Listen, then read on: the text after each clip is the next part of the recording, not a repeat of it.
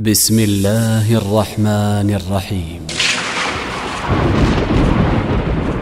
شهر رمضان الذي أنزل فيه القرآن هدى للناس وبينات من الهدى والفرقان فمن شهد منكم الشهر فليصمه ومن كان مريضا أو على سفر فعدة من أيام أخر. الصيام فضائل وأحكام. وقد أوصى به النبي عليه الصلاة والسلام أبا أمامة فقال عليك بالصوم فإنه لا مثل له لا مثل له في الأجر والثواب. ورفعة الدرجات عند الله تعالى. الصيام. يزيل الأحقاد والضغائن والحسد من القلوب. الصيام. يشفع لصاحبه يوم القيامة. تصفد فيه الشياطين. تجاب فيه الدعوات. يكفر الخطايا. تفتح فيه أبواب الجنة. يرقق القلب. يوصل إلى التقوى. يا أيها الذين آمنوا كتب عليكم الصيام كما كتب على الذين من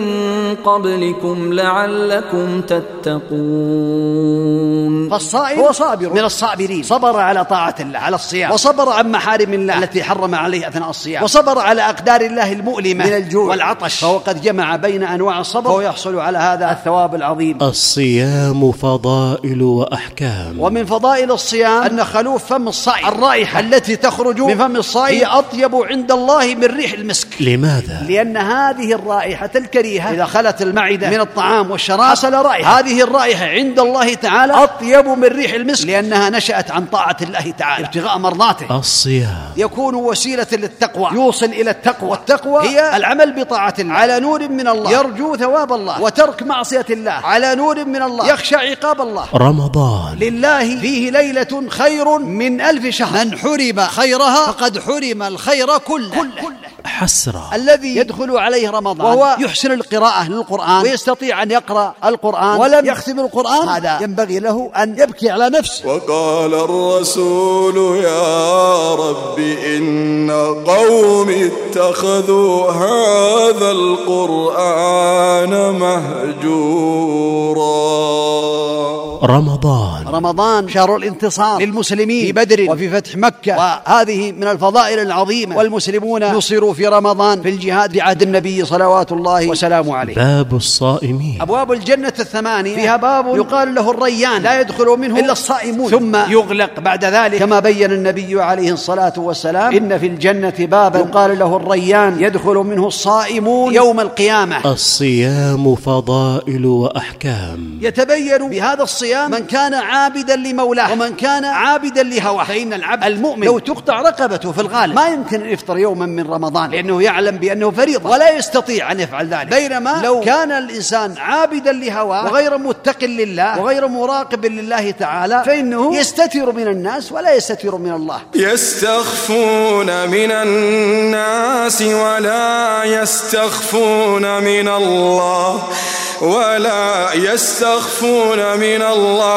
وهو معهم إذ يبيتون وهو معهم إذ يبيتون ما لا يرضى من القول وكان الله بما يعملون محيطا. فحينئذ متى يتوب؟ متى؟ متى يغفر له إن لم يغفر له في رمضان؟ الصيام فضائل وأحكام. قيام رمضان. هذا من السنن. فقد ثبت عن النبي عليه الصلاة والسلام أنه قال من قام رمضان إيمانا واحتسابا غفر له ما تقدم من ذنبه. وقيام رمضان هي صلاة التراويح. وهي سنة ثبتت عن النبي عليه الصلاة والسلام حث عليها وصلاها عليه الصلاة والسلام. محرومون. لله فيه ليلة خير من ألف شهر. أي في رمضان. من حرمها أو من حرم خيرها فقد حرم الخير كله. وهي ليلة القدر. حرمها نفسه. بسبب ذنوبه وبسبب نفسه. وبسبب عدم توفيق الله له. سبحانه وتعالى. إنا أنزلناه في ليلة القدر وما أدراك ما ليلة القدر. ليلة القدر خير من ألف شهر. تنزل الملائكة والروح فيها بإذن ربهم من كل أمر. سلام هي حتى مطلع الفجر. الصيام فضائل وأحكام. الصيام فضائل وأحكام. محاضرة لفضيلة الشيخ الدكتور سعيد ابن علي ابن واف القحطاني. إن الحمد لله نحمده ونستعينه ونعوذ بالله من شرور أنفسنا وسيئات أعمالنا. من يهده الله فلا مضل له ومن يضلل فلا هادي له وأشهد أن لا إله إلا الله وحده لا شريك له وأشهد أن محمدا عبده ورسوله صلى الله عليه وعلى آله وأصحابه وسلم تسليما كثيرا. أما بعد فأشكر الله تعالى على توفيقه وتيسيره على الوصول إلى هذه البلاد مركز الحمضة شرق بلاد قحطان. فله الحمد حتى يرضى. ثم أشكر الإخوة القائمين والمتعاونين على دعوتي إلى هذا الخير. فالفضل لله تعالى ثم لهم كرروا علي ذلك نسال الله تعالى أن يجعل ذلك في موازين حسناتهم. لا شك ولا ريب أن العمل الصالح هو الذي يكون على هدي النبي عليه الصلاة والسلام لأن العمل لا يقبل إلا بشرطين. الإخلاص لله تعالى وأن يقصد بهذا العمل وجه الله عز وجل. والشرط الثاني أن يكون على هدي النبي محمد بن عبد الله عليه الصلاة والسلام. فالأول يدل عليه آيات كثيرة ويدل عليه قوله عليه الصلاة والسلام إنما الأعمال بالنيات وإنما لكل امرئ ما نوى. والثاني يدل عليه قول النبي عليه الصلاة والسلام من عمل عملا ليس عليه أمرنا فورد وهدي النبي عليه الصلاة والسلام في الصيام هو أكمل هدي وأعظم توجيه منه صلوات الله وسلامه عليه سواء كان ذلك في الترغيب الذي يرغب الناس والأمة في هذا الصيام أو كان ذلك في البيان عن الله تبارك وتعالى وأن هذا الصيام فريضة فرضها الله عز وجل أو كان ذلك في الأحكام التي يبينها صلوات الله وسلامه عليه فما من خير إلا دل الأمة عليه ولا من شر إلا حذرها عنه صلوات الله وسلامه عليه. فهديه عليه الصلاة والسلام في الصيام اولا أنه عليه الصلاة والسلام يبين فضائل الصيام ترغيبا فيه والصيام هو الإمساك وهو التعبد لله تعالى بنية عن ترك جميع المفطرات من طلوع الفجر الثاني إلى غروب الشمس هذا يقال له الصيام. فمن فضائله أن الله تبارك وتعالى مدح القائمين بهذا العمل في قوله تبارك وتعالى إن المسلمين والمسلمات والمؤمنين والمؤمنات والقانتين والقانتات والصادقين والصادقات والصابرين والصابرين والصابرات والخاشعين والخاشعات والمتصدقين والمتصدقين والمتصدقات والصائمين والصائمات والحافظين فروجهم والحافظات والذاكرين الله كثيرا والذاكرين الله كثيرا والذاكرات أعد الله لهم مغفرة وأجرا عظيما. فهو من الأعمال التي تعد بها المغفرة للمؤمن والصيام خير للمسلم والمؤمن لو كان يعلم. والله تعالى يقول وأن تصوموا خير لكم إن كنتم تعلمون.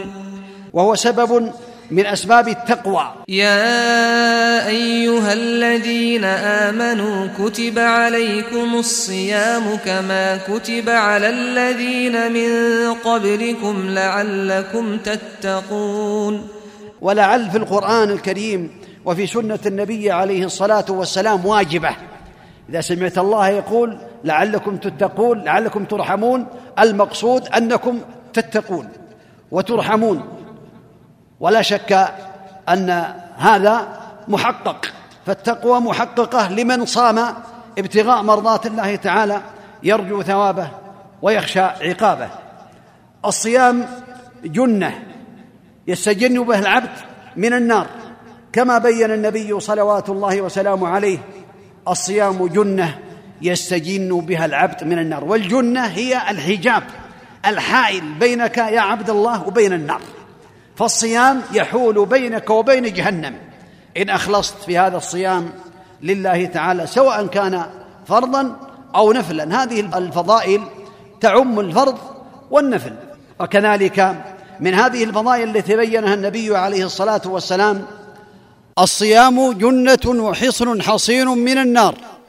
جنة وحصن حصين أن تدخل حصنا محصنا. وتغلق الأبواب.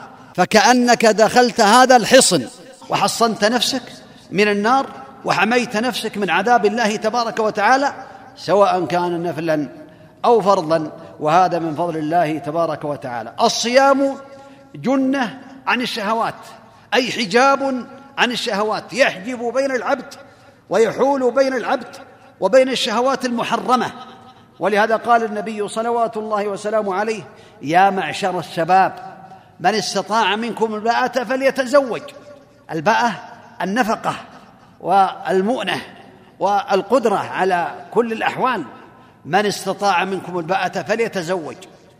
فإنه أغض للبصر وأحسن للفرد ومن لم يستطع فعليه بالصوم فإنه له وجاء.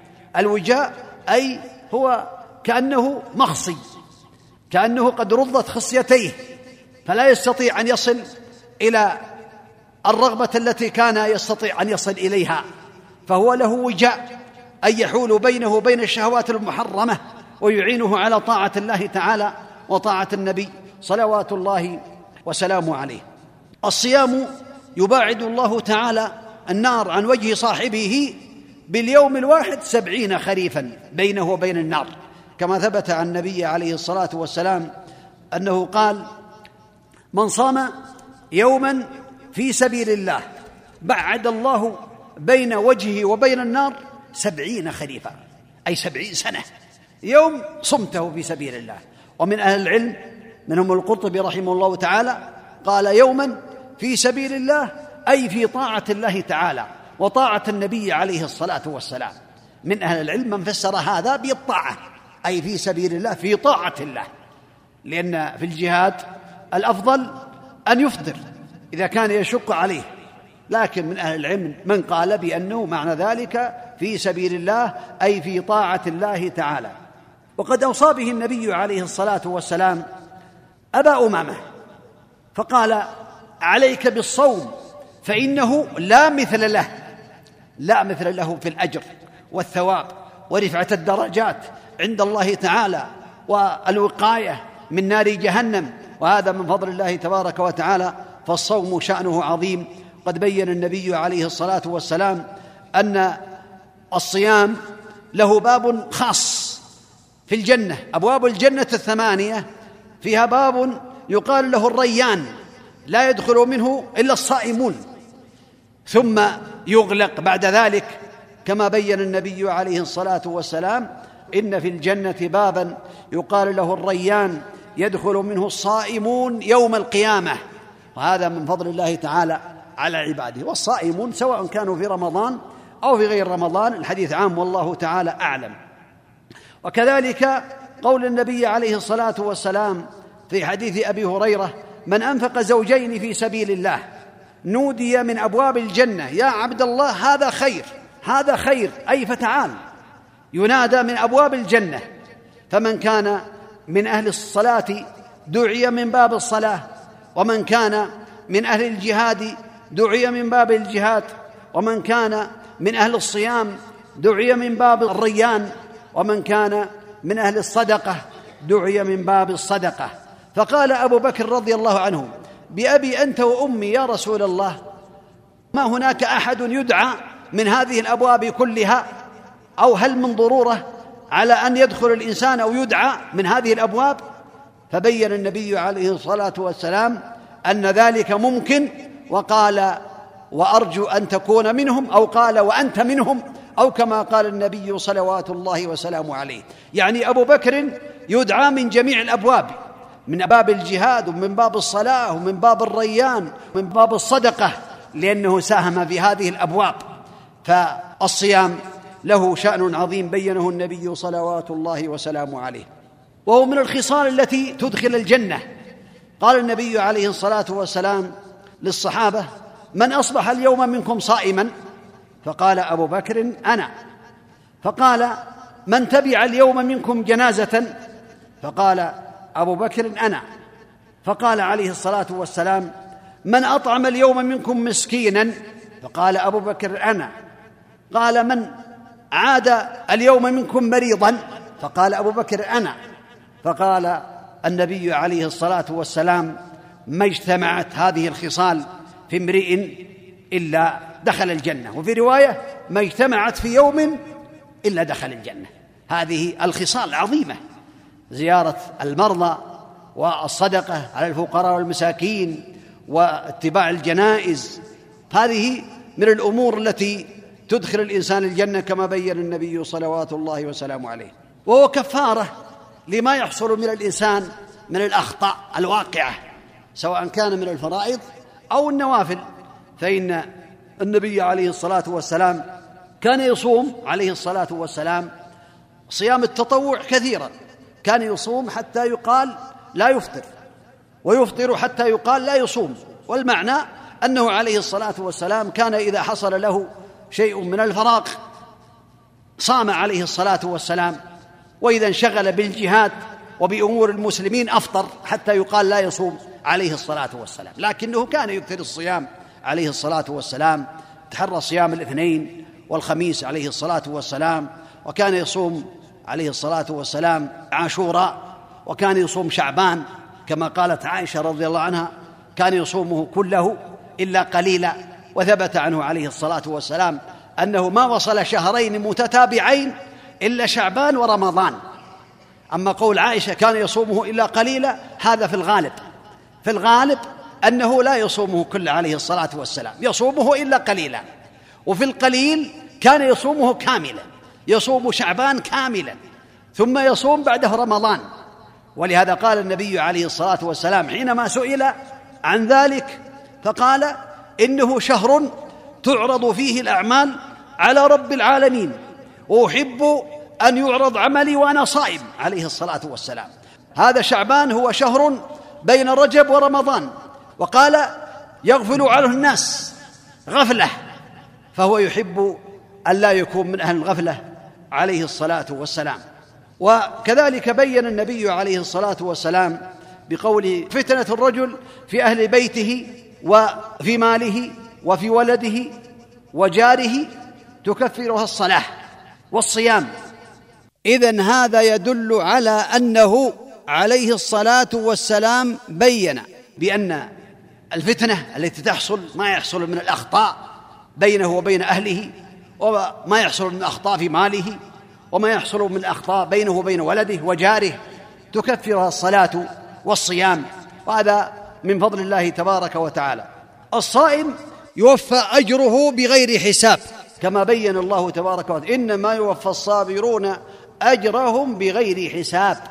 فالصائم هو صابر من الصابرين صبر على طاعة الله على الصيام وصبر عن محارم الله التي حرم عليه أثناء الصيام وصبر على أقدار الله المؤلمة من الجوع والعطش. فهو قد جمع بين أنواع الصبر فهو يحصل على هذا الثواب العظيم. والصائم له فرحتان. فرحة في الدنيا وفرحة في الآخرة. فرحته في الدنيا يفرح بإفطاره بالطعام والشراب وهذا مباح. وأعظم من ذلك أن يفرح بأن الله تبارك وتعالى أعانه على هذا الصيام ويسر له هذا الصيام حتى صام هذا اليوم الذي ترفع به درجاته. وفرحة في الآخرة يفرح في الآخرة بصيامه لأنه يحصل على الثواب العظيم الذي بينه النبي صلوات الله وسلامه عليه. ومن فضائل الصيام أن خلوف فم الصائم الرائحة التي تخرج من فم الصائم هي أطيب عند الله من ريح المسك. لماذا؟ لأن هذه الرائحة الكريهة إذا خلت المعدة من الطعام والشراب حصل رائحة. هذه الرائحة عند الله تعالى أطيب من ريح المسك لأنها نشأت عن طاعة الله تعالى ابتغاء مرضاته. فهذه هي أفضل عند الله وأطيب عند الله تعالى من ريح المسك. الصيام يشفع لصاحبه يوم القيامة. كما ثبت عن النبي عليه الصلاة والسلام أنه قال الصيام والقرآن يشفعان للعبد يوم القيامة. يقول الصيام يا ربي منعته الطعام والشراب بالنهار ويقول القرآن يا ربي منعته النوم بالليل فيشفعان فيه أو كما قال النبي صلوات الله وسلامه عليه فصيامك يشفع لك سواء كان فرضا أو كان من النوافل وهذا من فضل الله تبارك وتعالى على عباده الصيام يزيل الأحقاد والضغائن والحسد من القلوب وهذا قد ثبت عن النبي عليه الصلاة والسلام في مسند الإمام أحمد أنه قال صلوات الله وسلامه عليه في هذا الأمر العظيم الذي بينه عليه الصلاة والسلام صوم شهر الصبر وثلاثة أيام من كل شهر يذهبن وحر الصدر. وحر الصدر هو الغل والبغضاء والحسد في القلب هذا يزيله بإذن الله تعالى. إذا صام ثلاثة أيام من كل شهر مع رمضان هذا يحصل على الثواب العظيم يحصل على صيام سنة كاملة. لأن صيام ثلاثة أيام من كل شهر تعديل صيام السنة. الحسنة بعشر أمثالها. يصوم ثلاثة أيام من الشهر هذا في عشرة أي الحسنة بعشر أمثالها ثلاثين يوما. وكذلك رمضان فيحصل على هذا الثواب ويحصل على ثواب آخر وهو أنه يحصل على تطهير قلبه بقول النبي عليه الصلاة والسلام صيام شهر الصبر وثلاثة أيام من كل شهر يذهبنا وحر الصدر وهذا من فضل الله عز وجل وينبغي لطالب العلم بل ينبغي للعبد المسلم ألا يفوت على الأقل الأحوال.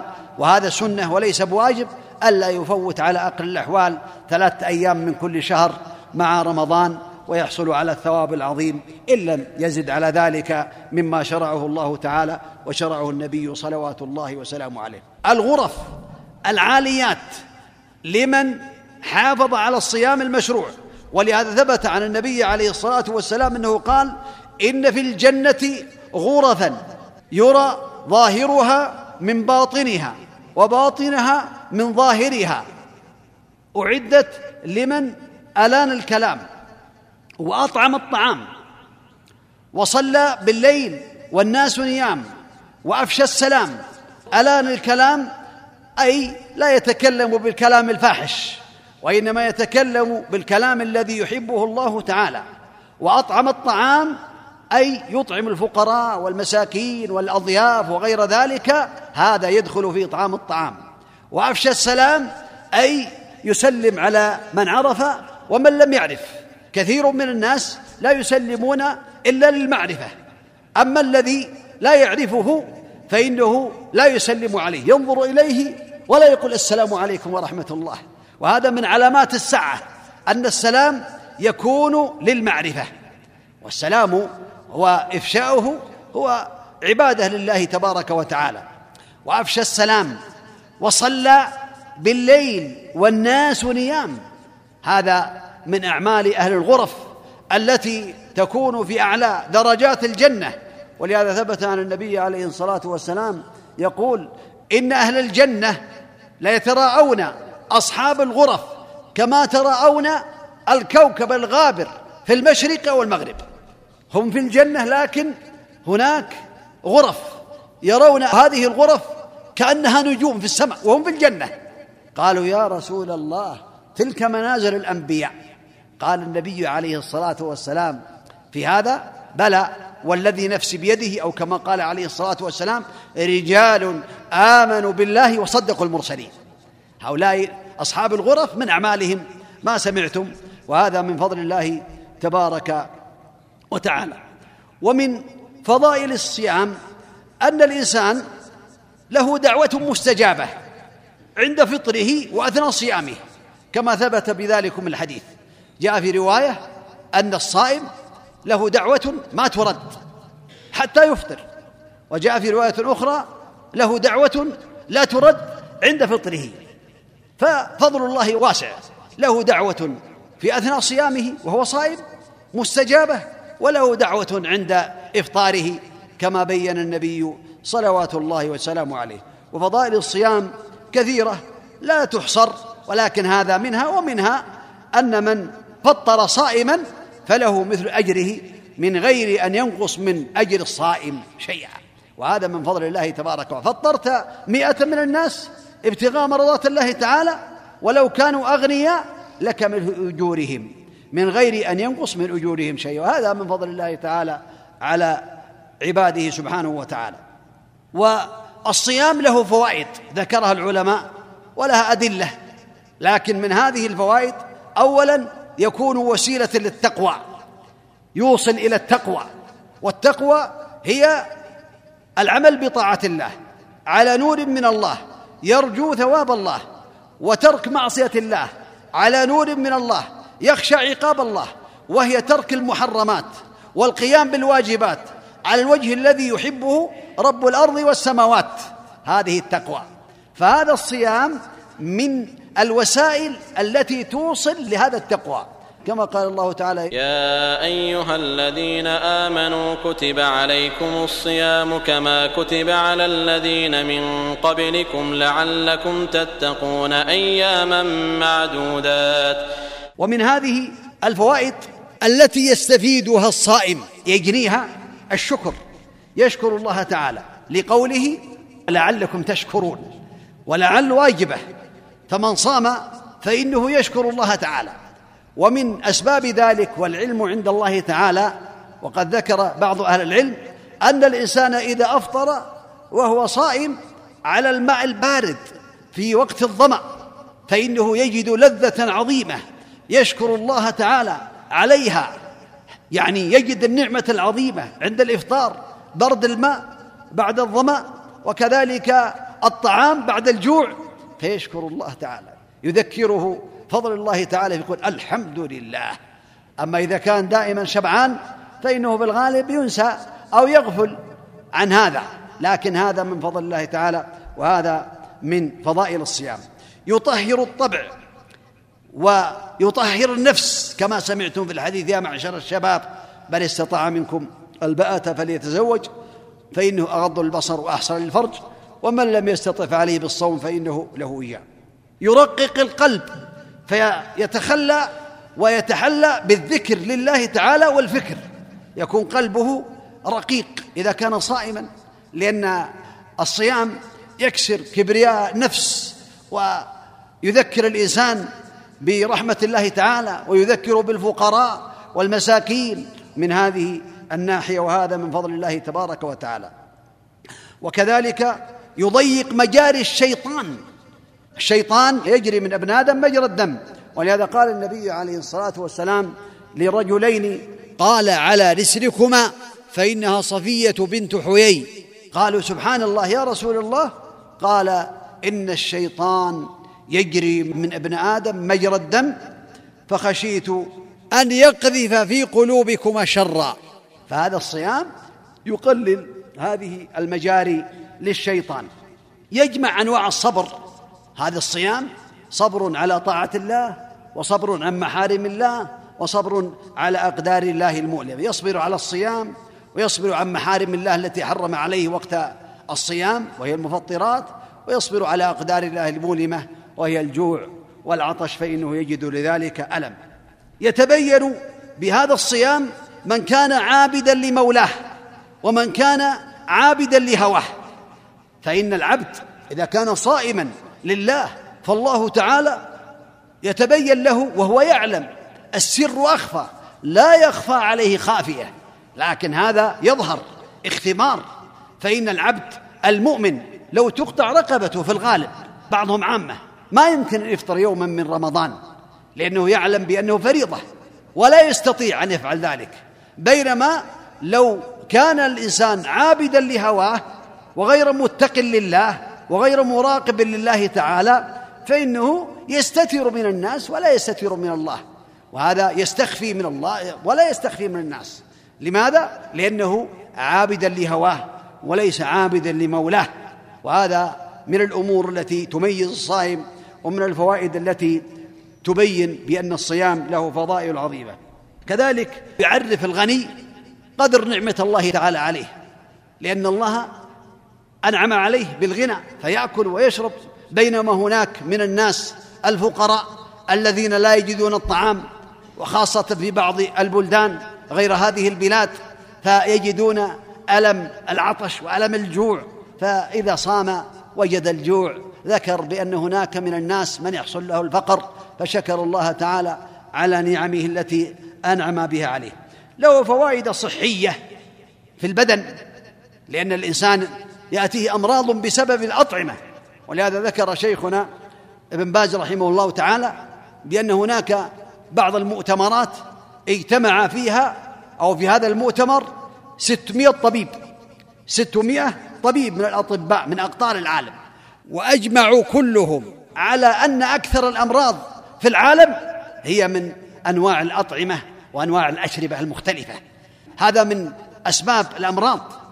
كثرة الطعام وكثرة الشراب وتنوع هذه الأطعمة والإكثار من ذلك والشبع من ذلك هذا يسبب أمراضا ولهذا الله تبارك وتعالى جعل في الصيام أنه يحمي الإنسان ويكون له حمية في بعض الأيام أو في شهر رمضان فيحصل على هذا الثواب العظيم وعلى هذا الفضل العظيم بالنسبة لهذه الفضائل.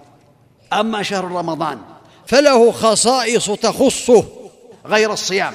منها أن الله تعالى أنزل فيه القرآن. القرآن نزل في شهر رمضان. كما قال الله تبارك وتعالى شهر رمضان الذي أنزل فيه القرآن هدى للناس وبينات من الهدى والفرقان. فمن شهد منكم الشهر فليصم. هذا أنزل الله تعالى فيه القرآن. وثبت في الحديث أن الكتب كذلك. كتب السماوية أنزلت في رمضان وهذا يدل على فضل هذا الشهر وأن الله تعالى أنعم على عباده بهذا الشهر فهو نعمة عظيمة نعمة كبرى من الله تعالى على عباده المؤمنين. هذا الشهر العظيم تفتح فيه أبواب الجنة كما بين النبي عليه الصلاة والسلام إذا دخل رمضان فتحت أبواب الجنة فلم يغلق منها باب واغلقت أبواب النار فلا يفتح منها باب وصفدت الشياطين صفدت سجنت ربطت ومرضت الجن. هذا من فضل الله تعالى. كذلك في هذا الشهر تفتح فيه أبواب الرحمة في رواية. في أبواب الرحمة في رواية أخرى أبواب الجنة رواية أخرى أبواب السماء. وهذه كلها الروايات في البخاري ومسلم. وهذا من فضل الله تعالى. تفتح فيه أبواب الجنة وتفتح فيه أبواب السماء فيجاب الدعاء وتفتح فيه أبواب الرحمة. وهذا من فضل الله تعالى في هذا الشهر العظيم أنه شرعه لعباده فهو سبحانه وتعالى المحسن أحسن إلى عباده وهو صاحب الفضل سبحانه وتعالى والجود والكرم. تصفد فيه الشياطين كما تقدم فلا تستطيع أن تصل إلى ما كانت تصل إليه. ولكن هناك من الناس من يعمل بعض الأعمال التي لا يشرعه الله تعالى والتي حرمه الله تعالى في رمضان. فما السبب؟ قيل بأن هذا يرجع إلى أن ليس الشيطان هو سبب المعاصي وحده وإن هناك أعداء أعداء غير الشيطان النفس الخبيثة. والعادة القبيحة. إذا تعود على شيء لا يستطيع أن يتركه لأنه تعود عليه. ونفسه بين جنبيه هي عدوه من أعداء. وربما تكون اعدى من الشيطان في بعض الأحوال. نسأل الله العافية. وكذلك شياطين الإنس. فإن من الإنس شياطين. فالشياطين تصفد ولا تصل إلى ما تصل إليه بغير رمضان. ولكن هناك من أسباب المعاصي كما سمعتم النفس والعادة القبيحة وكذلك شياطين الإنس. ومن هذه الفضائل التي بينها النبي عليه الصلاة والسلام أنه ينادي مناد إذا دخل رمضان يا باغي الخير أقبل ويا باغي الشر أقصر. ينادي مناد إذا دخل رمضان بهذا النداء. فالذي يريد الشر ويبغي الشر فعليه أن يقصر في هذا الشهر. ويا باغي الخير صاحب الخير وصاحب الرغبة في الخير عليه أن يقبل. ولهذا ثبت عن النبي عليه الصلاة والسلام أنه قال لله في كل ليلة عتقاء من النار. كل ليلة يعتق الله تعالى من النار عتقاء. نسأل الله تعالى أن يجعلنا وإياكم من عتقائه من النار. ووالدينا ووالديكم وجميع المسلمين. المؤمنين الصادقين المخلصين إنه على كل شيء قدير. عتقاء يعتقهم الله تعالى من النار. وهذا من فضل الله تبارك وتعالى على عباده. لله فيه ليلة خير من ألف شهر. أي في رمضان. من حرم خيرها فقد حرم الخير كله. وهي ليلة القدر. حرمها نفسه بسبب ذنوبه وبسبب نفسه. وبسبب عدم توفيق الله له سبحانه وتعالى لأن الله تبارك وتعالى يقول فلما زاغوا أزاغ الله قلوبهم والله لا يهدي القوم الفاسقين. فمن حرم هذه الليلة وفضل هذه الليلة التي العمل فيها خير من ألف شهر. كما قال الله تعالى إنا أنزلناه في ليلة القدر وما أدراك ما ليلة القدر. ليلة القدر خير من ألف شهر. تنزل الملائكة والروح فيها بإذن ربهم من كل أمر. سلام هي حتى مطلع الفجر. وألف شهر هي أكثر من ثلاث وثمانين سنة. هذا عمر طويل. فيكونه يعبد الله تعالى في ليلة واحدة. تكون هذه الليلة أفضل من هذه الأيام من ثلاث وثمانين وأربعة أشهر هذا يدل على فضل ليلة القدر. وأن من حرم خيرها فقد حرم الخير كله كما بين النبي عليه الصلاة والسلام. وهذا من فضل الله تبارك وتعالى أن أعمار العباد قليلة. إن مد الله في عمره إلى الستين إلى السبعين وقليل من يجوز ذلك. كما قال النبي عليه الصلاة والسلام أعمار أمتي بين الستين والسبعين وقليل من يجوز ذلك؟ انظر إلى من تجاوز السبعين في القبائل وفي الناس في جماعتك. هل الذي تجاوز السبعين قليل أو كثير؟ تجدهم قليل وقليل من يجوز ذلك. فأنعم الله تعالى على عباده بهذه الليلة. في كل سنة في كل رمضان أكثر من ثمانين سنة في العبادة وفي الفضل. فهذا من فضل الله تعالى على عباده فينبغي للمسلم بل يجب عليه أن يشكر الله تعالى على هذا الفضل العظيم الذي تفضل به سبحانه وتعالى على عباده. تجاب فيه الدعوات في هذا الشهر تجاب الدعوات في رمضان. لأنه تبارك وتعالى ذكر هذه الآية بين أحكام الصيام في آيات الصيام ذكر هذه الآية؟ وإذا سألك عبادي عني فإني قريب أجيب دعوة الداع إذا دعان. فليستجيبوا لي وليؤمنوا بي لعلهم يرشدون. فالدعوات في رمضان مستجابة من العبد المقبل على الله تعالى الصادق الراغب في الخير.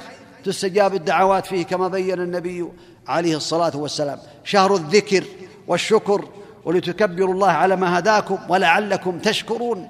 فهو للذكر والشكر في هذا الشهر وهذا من فضائل العظيمة التي بينها النبي عليه الصلاة والسلام. شهر الصبر سمعتم في الحديث صيام شهر الصبر وثلاث أيام من كل شهر يذهبن وحر الصدر. صيام رمضان يكفر الخطايا كما بين النبي عليه الصلاة والسلام بقوله في رمضان الصلوات الخمس والجمعة إلى الجمعة ورمضان إلى رمضان مكفرات ما بينهن ما اجتنبت الكبائر. إذا اجتنبت الكبائر فهذه الأمور تكفر السيئات.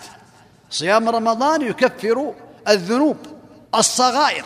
أما الكبائر فتحتاج إلى توبة لأن الله تبارك وتعالى يقول إن تجتنبوا كبائر ما تنهون عنه نكفر عنكم سيئاتكم وندخلكم مدخلا كريما. وقال في هذا الحديث الصلوات الخمس والجمعة للجمعة ورمضان إلى رمضان مكفرات ما بينهن ما اجتنبت الكبائر. أي إذا اجتنبت الكبائر فقيد بالكبائر. فإذا كان عنده كبيرة قتل والعياذ بالله قتل نفسا بغير حق أو عنده زنا أو عنده خمر أو عنده عقوق والدين أو عنده إسمال في الثياب أو عنده غيبة نسأل الله العفو والعافية ولا ينجو منها إلا من أنجاه الله تبارك وتعالى فإنها مصيبة عظيمة عند كثير من الناس لا ينجو منها إلا من عصمه الله تعالى. أو عنده نميمة ينقل الكلام بين الناس هذه من الكبائر. والكبيرة عند أهل العلم قالوا بأنها كل ذنب فيه حد في الدنيا أو توعد عليه بالعذاب في الآخرة. هذه كبيرة من الكبائر. إذا الكبائر لا تكفر إلا بالتوبة. لا تكفر لا بحج ولا بصوم إلا بالتوبة. لا بد من التوبة والإقلاع والندم والعزيمة على ألا يعود فتكفر هذه الكبائر.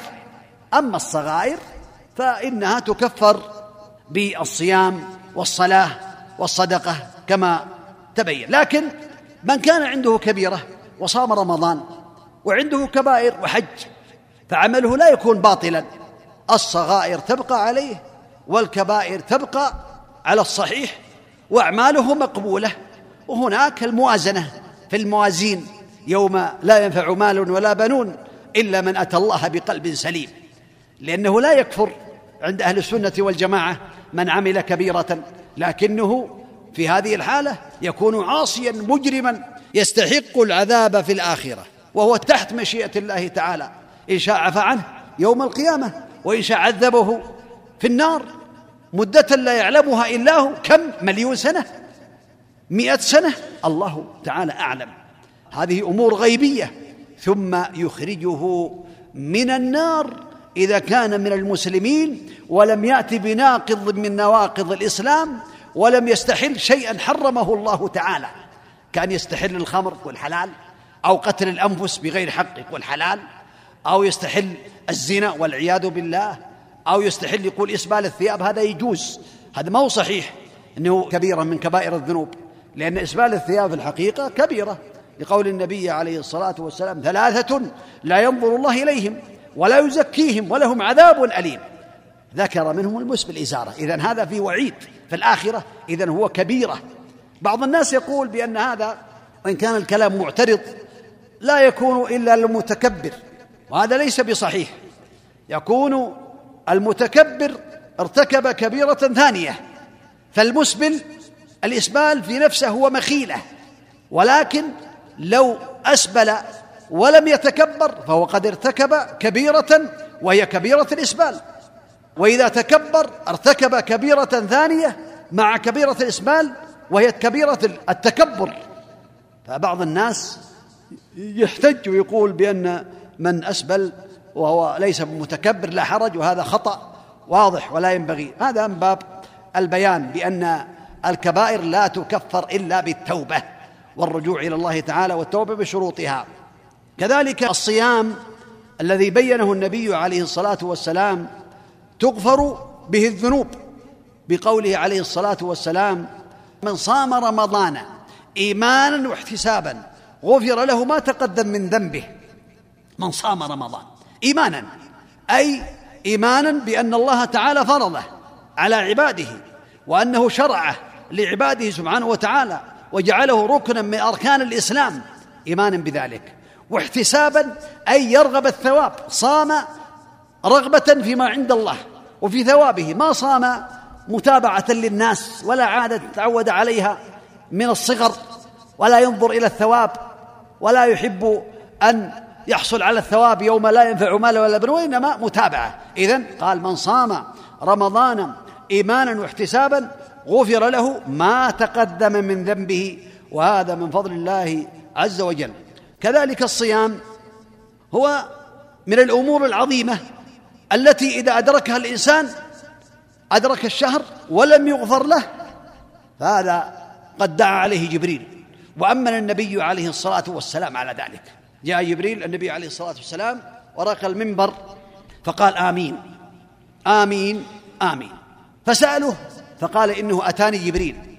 فقال من أدرك والديه أحدهما أو كليهما فلم يغفر له أبعده الله أي أبعده الله من رحمته. قل آمين. قال فقلت آمين. هذا دعاء من جبريل. سيد الملائكة أجمعين يدعو وسيد البشر محمد بن عبد الله يؤمن بل سيد الجن والإنس يؤمن. من أدرك والديه أحدهما أو كليهما فلم يغفر له فأبعده الله. قل آمين. قال فقلت آمين. قال من ذكرت عنده فلم يصلي عليك فأبعده الله. قال فقلت آمين. اللهم صل وسلم عليه. اللهم صل وسلم عليه. قال من أدرك رمضان ولم يغفر له فأبعده الله.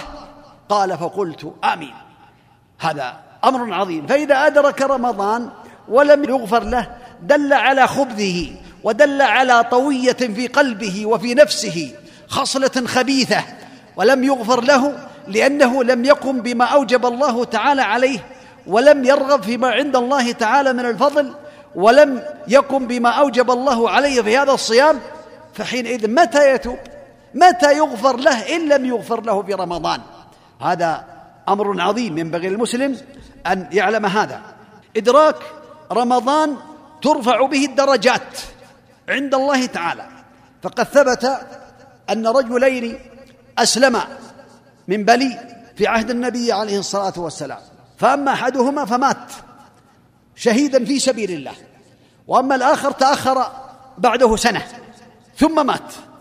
فرأى أبو طلحة رأى أبواب الجنة فدخل الذي مات مؤخرا ولم يمت في سبيل الله دخل قبل الذي قتل في سبيل الله. دعي بالمتأخر فدخل الجنة ثم دعي بالذي قتل في سبيل الله دخل الجنة. وقال الداعي لأبي طلحة أما أنت فليس الآن يعني أنت باقي يعني باقي حي. قال فرجعه. فسالوا النبي عليه الصلاة والسلام فقال أليس تأخر بعده سنة؟ وصلى كذا وكذا من الصلوات وصام رمضان لما بينهما كما بين السماء والأرض أو كما قال النبي عليه الصلاة والسلام. هذا يدل على أنه أدرك رمضان وأن إدراك رمضان نعمة عظيمة. أسأل الله بأسمائه الحسنى وصفاته العلى أن يبلغني وإياكم رمضان. إنه على كل شيء قدير. وأن يتقبل منا إنه على كل شيء قدير. وأن يستعملنا في طاعته سبحانه وتعالى. إدراك رمضان نعمة.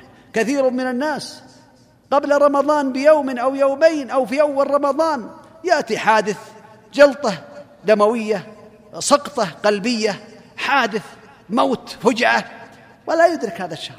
كم من الناس فعليك أن تحسن نيتك من الآن أن تصوم رمضان إيمانا واحتسابا وتسأل الله تعالى أن يبلغ رمضان فإنه نعمة عظيمة لمن أدركه أسأل الله تعالى أن يبلغني وإياكم هذا الشهر العظيم إنه على كل شيء قدير. من فضائل هذا الشهر أن عمرة في رمضان كحجة مع النبي عليه الصلاة والسلام. كحجة كما بين النبي عليه الصلاة والسلام. عمرة في رمضان كحجة معي وهو في مسلم وفي غيره. هذا يدل على فضل هذا الشهر العظيم أن من اعتمر في رمضان كحج مع النبي عليه الصلاة والسلام. كذلك من هذه الفضائل أن من صام هذا الشهر يكون من الصديقين. قال رجل يا رسول الله أرأيت إن شهدت أن لا إله إلا الله وأنك رسول الله وصليت وأديت الزكاة وصمت رمضان فمن أنا؟ أي فممن أنا؟ قال من الصديقين والشهداء. هذا من فضل الله. إذا حافظت على الصلاة الصلوات الخمس وقمت بالزكاة وقمت بما أوجب الله عليك وصمت رمضان وابتعدت عن جميع المحرمات فأنت من الصديقين والشهداء. الذين قال الله فيهم ومن يطع الله والرسول فأولئك مع الذين أنعم الله عليهم من النبيين. من النبيين والصديقين والشهداء والصالحين وحسن أولئك رفيقا. يكون مع هؤلاء ويدخل الجنة كما ثبت عن النبي عليه الصلاة والسلام أنه جاء إليه رجل قال يا رسول الله أرأيت إن صليت المكتوبات وصمت رمضان وأحللت الحلال وحرمت الحرام أدخل الجنة. فقال النبي عليه الصلاة والسلام نعم اللهم صل وسلم عليه. قيام رمضان هذا من السنن. فقد ثبت عن النبي عليه الصلاة والسلام أنه قال من قام رمضان إيمانا واحتسابا غفر له ما تقدم من ذنبه. من صام رمضان إيمانا واحتسابا غفر له ما تقدم من ذنبه. من قام رمضان أي صلاة التراويح. وقيام رمضان هي صلاة التراويح وهي سنة. ثبتت عن النبي عليه الصلاة والسلام حث عليها وصلاها عليه الصلاة والسلام. صلى ثلاث ليالي أو أربع ثم اعتزل الناس ولم يخرج عليهم خوفا من أن يفرض القيام على أمته عليه الصلاة والسلام. فبقي سنة. من حافظ على هذه الصلاة فإنه يغفر له كما بين النبي صلوات الله وسلامه عليه. كذلك من هذه الصلوات التراويح أو السنة فيها أن يصليها كما كان النبي عليه الصلاة والسلام يصلي والمشروع أن يصلي ثنتين ثنتين ويوتر بواحدة فإن صلى إحدى عشرة فهو أفضل وإن صلى أكثر ثلاث وعشرين فلا بأس ولكن إن اقتصر على إحدى عشرة ركعة كان هو الأفضل وحافظ عليها مع الإمام. فإن النبي عليه الصلاة والسلام قال من لازم الإمام حتى ينصرف كتب له قيام ليلة يكتب له قيام ليلة كاملة. إذا لازمت الإمام حتى يسلم من الصلاة التراويح فإنه يحصل على هذا الثواب العظيم. فينبغي للمسلم ألا يفوت هذه الصلاة العظيمة التي بينها النبي صلوات الله وسلامه عليه. وهذا من فضل الله تبارك وتعالى على عباده.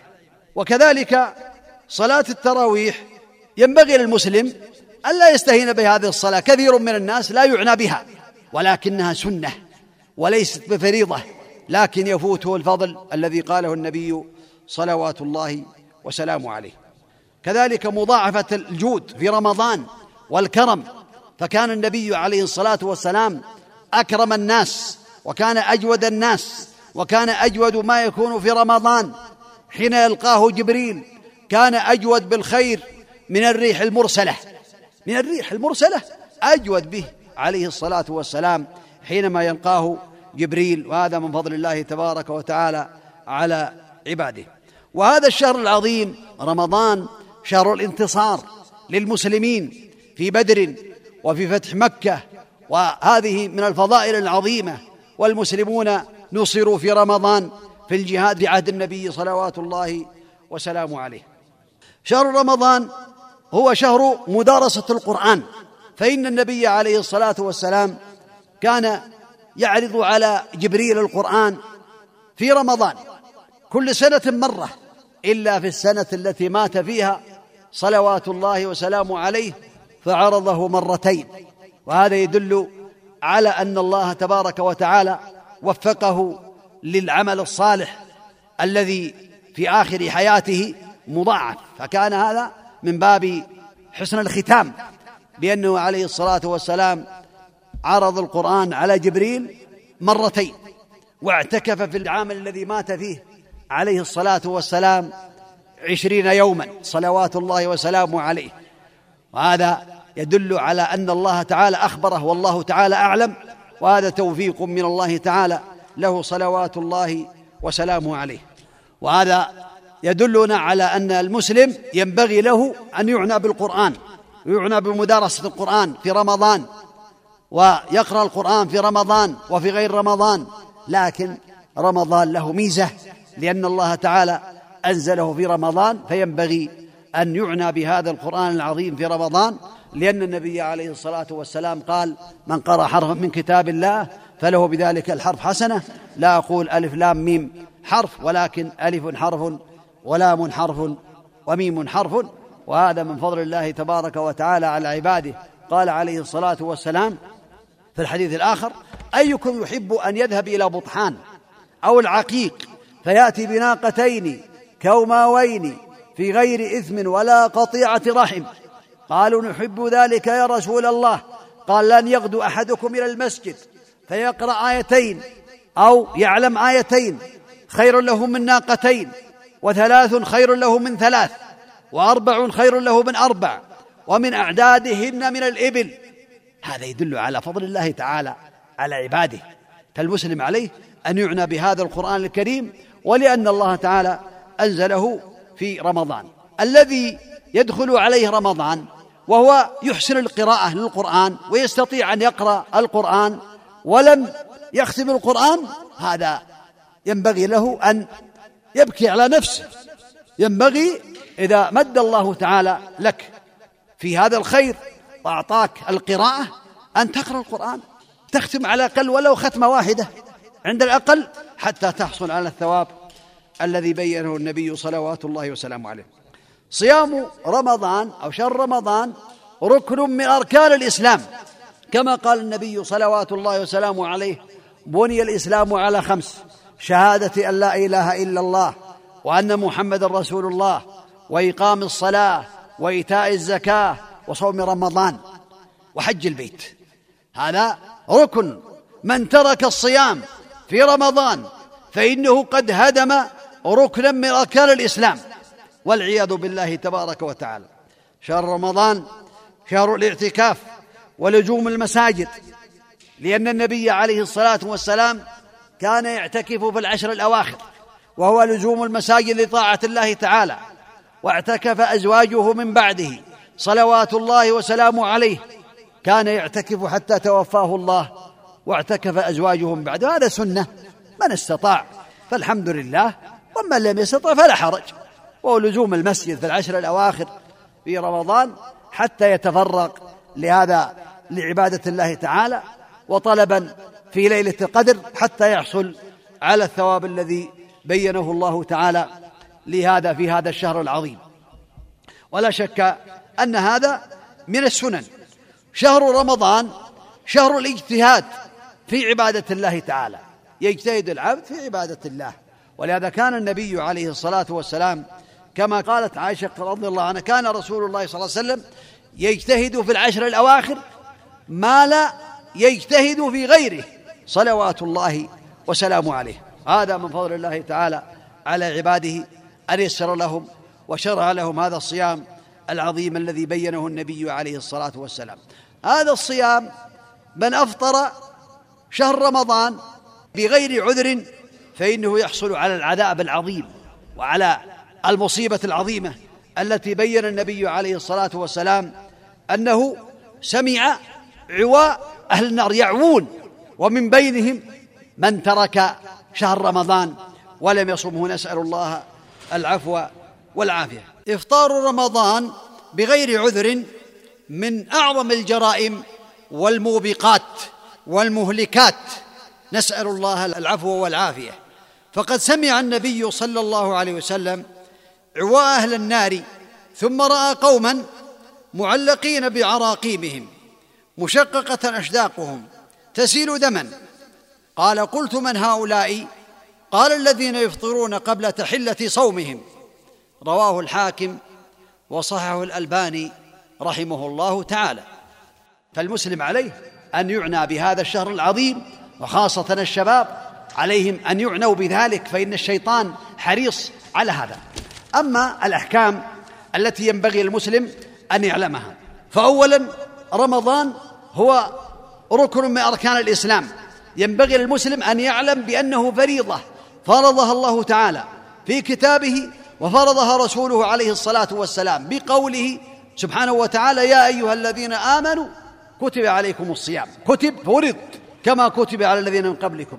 وبقول النبي عليه الصلاة والسلام بني الإسلام على خمس شهادة أن لا إله إلا الله وأن محمدا رسول الله وإقام الصلاة وإيتاء الزكاة وصوم رمضان وحج البيت.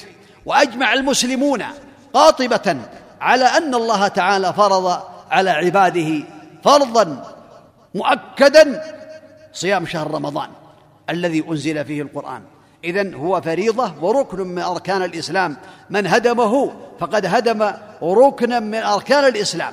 والعياذ بالله. ومن قال بأنه لا يجب فقد كفر بالله رب العالمين ويحشر يوم القيامة مع الكافرين لأنه أتى بناقض من نواقض الإسلام. والصيام فرض في الأول وهذا من باب الفائدة فرض على ثلاثة أنواع أو ثلاث درجات. اولا فرضه الله تعالى من باب التخيير. فرضه من أراد أن يطعم مسكينا عن كل يوم فله ذلك. ومن أراد أن يصوم فهو خير له. كما قال الله تبارك وتعالى في ذلك.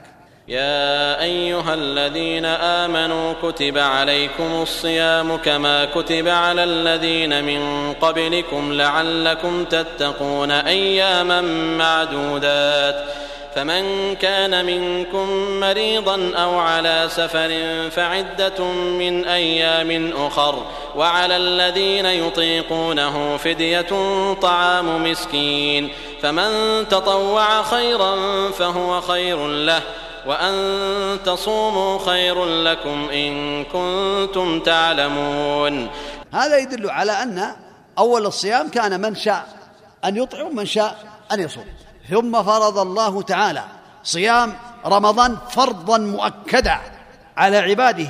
شهر رمضان الذي أنزل فيه القرآن هدى للناس وبينات من الهدى والفرقان. لكن هذه الدرجة الثانية الفرض الثاني إذا نام قبل أن يفطر فإنه يواصل الصيام إلى غروب يوم الشمس الثاني. وهذا في مشقة عظيمة.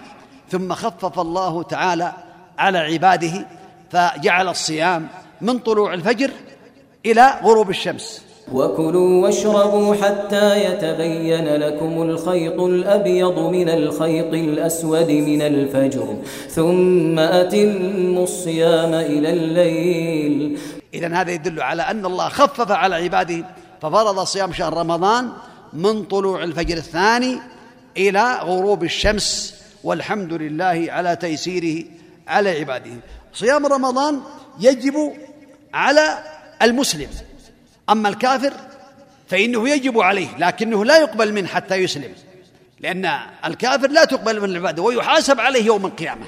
يحاسب على الصيام ويحاسب على الصلاة ويعاقب على شرائع الإسلام لكن لو عمل شيئا منها لا يقبل منه حتى يشهد أن لا إله إلا الله وأن محمدا رسول الله عليه الصلاة والسلام. الأمر الثاني من شروط وجوب الصيام البلوغ. فلا يجب على غير البالغ. لا يجب على غير البالغ. البالغ هو الذي بلغ خمسة عشر عاما أو أنزل بالاحتلام أو بغيره أو أنبت الشعرة المعروفة الشعر الخشن. هذا ثلاثة أمور يبلغ بها الإنسان. أي واحدة تأتي قبل فقد بلغ. بلغ خمسة عشر عاما فإنه يجب عليه الصيام لأنه قد بلغ.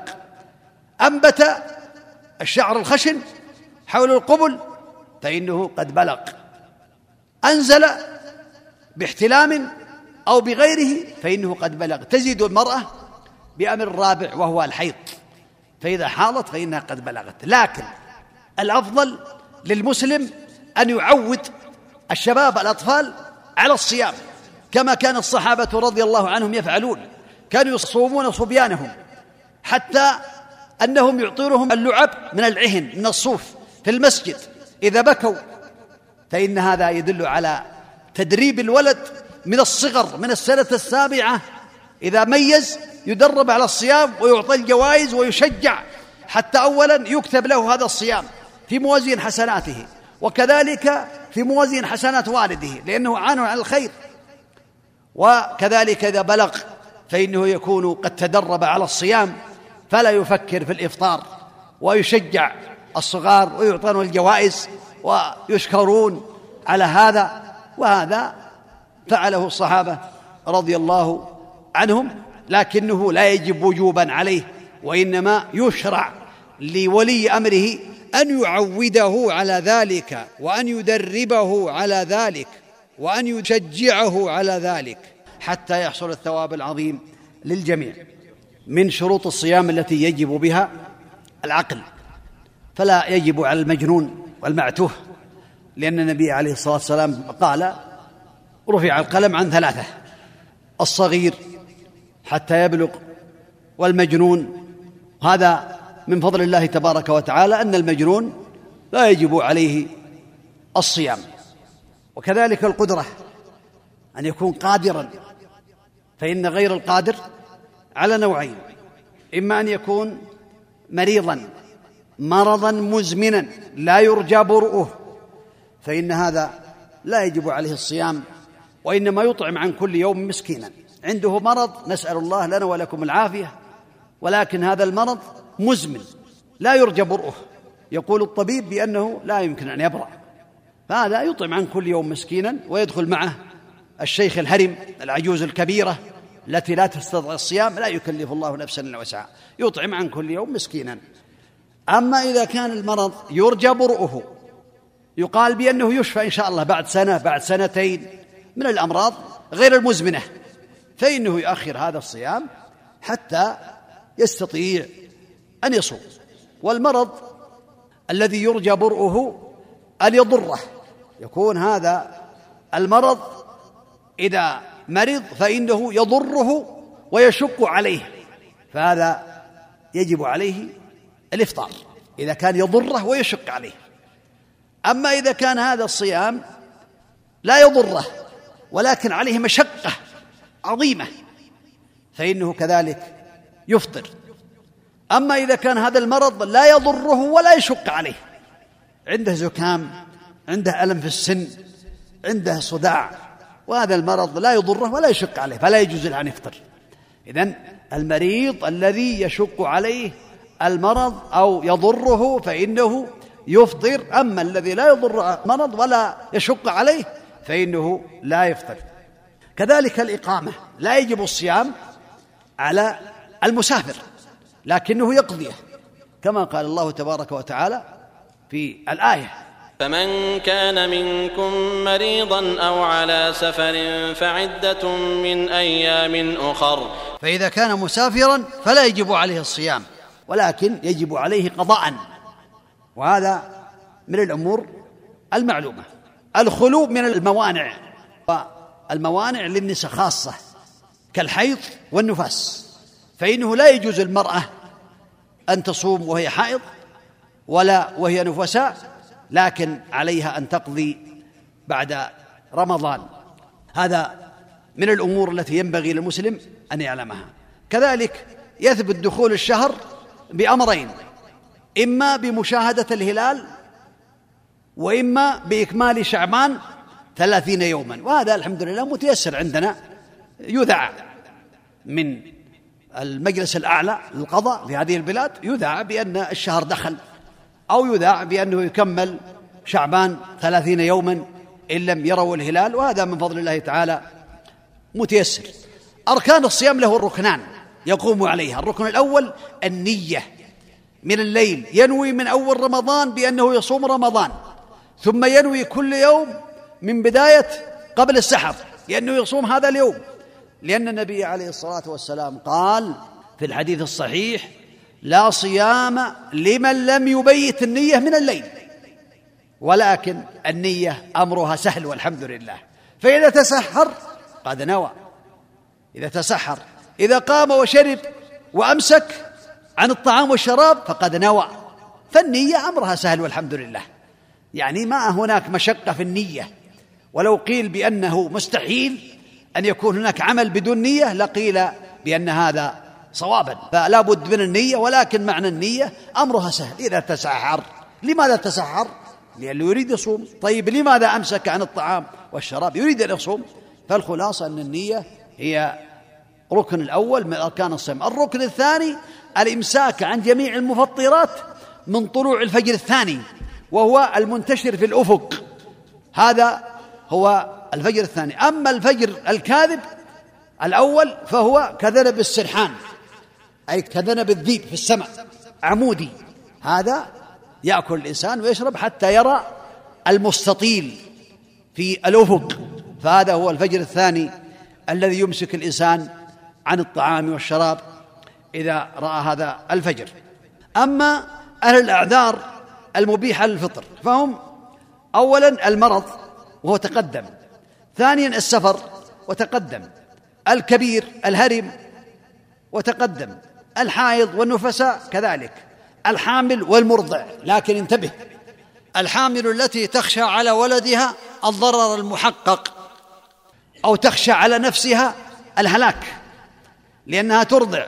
المرضع إذا خشيت على نفسها الهلاك فإن في هذه الحالة يجوز لها أن تفطر وتقضي. والحمد لله.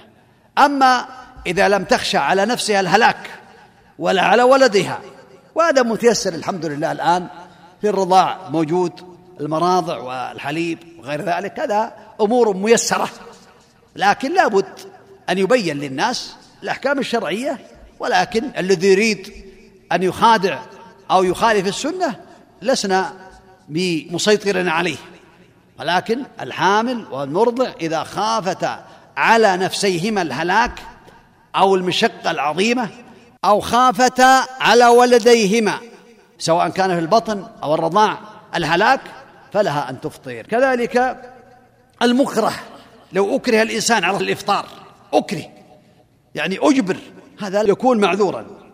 كذلك من أحتاج للإفطار لدفع ضرورة غيره يدفع الضرر غيره غريق. سقط في البير. أنا أقول أنا صايم أنا ما أدخل في هذا الماء.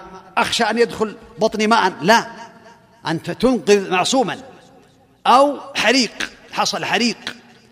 وأطفأ الناس ولا يستطيعون أن يطفئوا هذا الحريق إلا بالإفطار. تقوم يفطرون لأنهم ينقذون المعصومين من الحريق أو الغرق أو غير ذلك. هذا الحمد لله هذا يعفى عنهم. من خشي على نفسه الهلاك. خشي حقق تحقق الموت عنده. ما يستطيع. ما يقول عندي شدة عمل وعندي ضمان شديد لا. خشي على نفسه كان في صحراء وخاف الموت على نفسه. فالحمد لله. لا يكلف الله نفسا إلا وسعها. هذه الأمور التي يعذر فيها الإنسان. أما المفطرات التي تفطر الصائم فهي أولا الجماع في شهر رمضان. فإنه من أعظم المفطرات ومن أعظم الجرائم. ومن أعظم المهلكات. فإذا فعل ذلك الإنسان فعليه أن يتوب إلى الله لأنه قد فعل جريمة عظيمة. وعليه كذلك مع التوبة أن يصوم هذا اليوم إذا كان يصلي. وعليه كذلك أن يكفر اعتاق رقبة يعتق رقبة. فإن عجز صام شهرين متتابعين. فإن عجز كان مريضا لا يستطيع والمرض لا يرجى برؤه الخلاصة إنه عجز وأمره إلى الله فالعجز فإنه يطعم ستين مسكينا.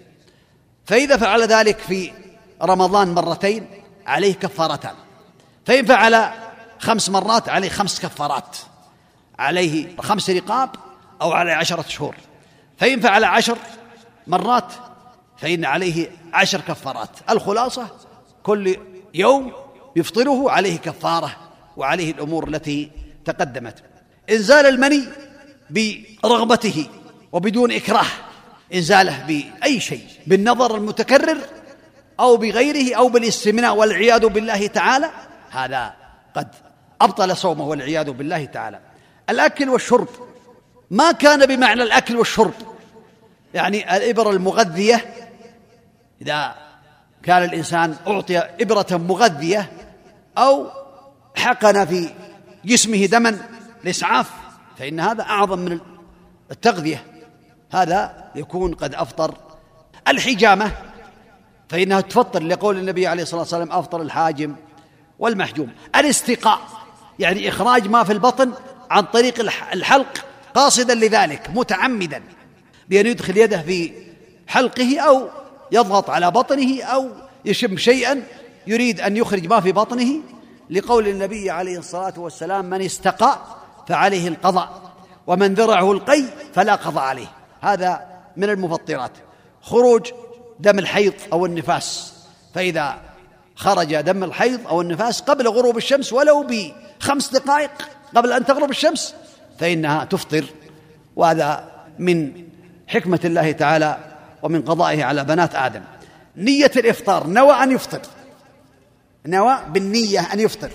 ولكن قبل أن يفطر توقف. فإنه يعتبر بهذا قد أفطر ويقضي هذا اليوم. مثال ذلك كان مسافرا أراد السفر وقرب الطعام والشراب وأراد نفسه سبحان الله آكل أتم صومي ما بقي إلا خمس ساعات أربع ساعات. ها؟ فهذا قد أفطر لأنه نوى الإفطار ونوى نية محققة. فإنه بهذا قد أفطر الردة على الإسلام سب الله أو سب النبي عليه الصلاة والسلام أو استهزأ بالدين أو غير ذلك فإنه قد أبطل عمله. نسأل الله العفو والعافية. محرمات الصيام الكذب وقول الزور والغيبة والنميمة هذه من المحرمات في الصيام وفي غير الصيام. ولهذا قال النبي عليه الصلاة والسلام في الحديث الصحيح من لم يدع قول الزور والعمل به فليس لله حاجة فإن يدع طعامه وشرابه لأنه وقع في هذه المحرمات. إذا صمت فليصم سمعك وبصرك.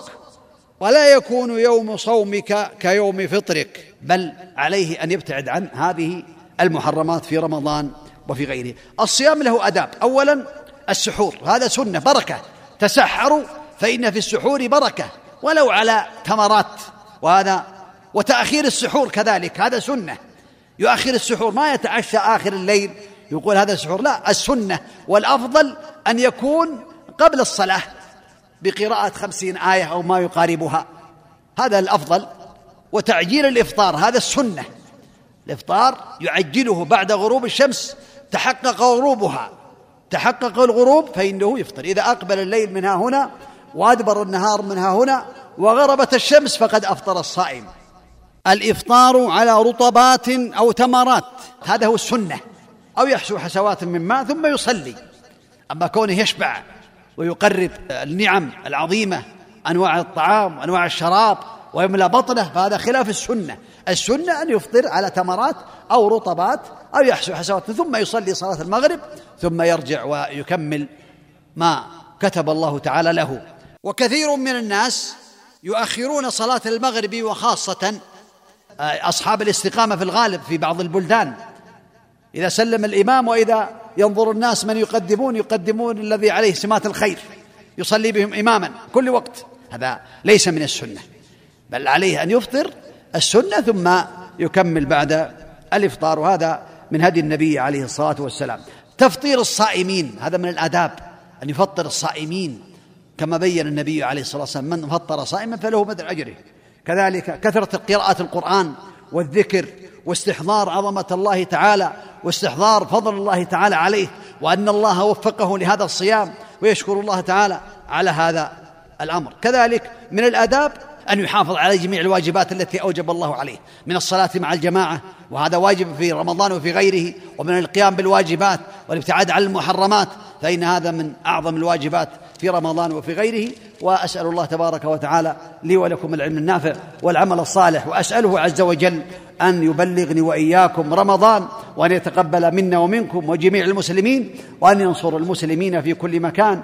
إنه على كل شيء قدير والمستضعفين في بلاد المسلمين في أنحاء الأرض وفي كل مكان. إنه على كل شيء قدير وبالإجابة جدير. وصلى الله وسلم وبارك على نبينا محمد وعلى آله وأصحابه أجمعين.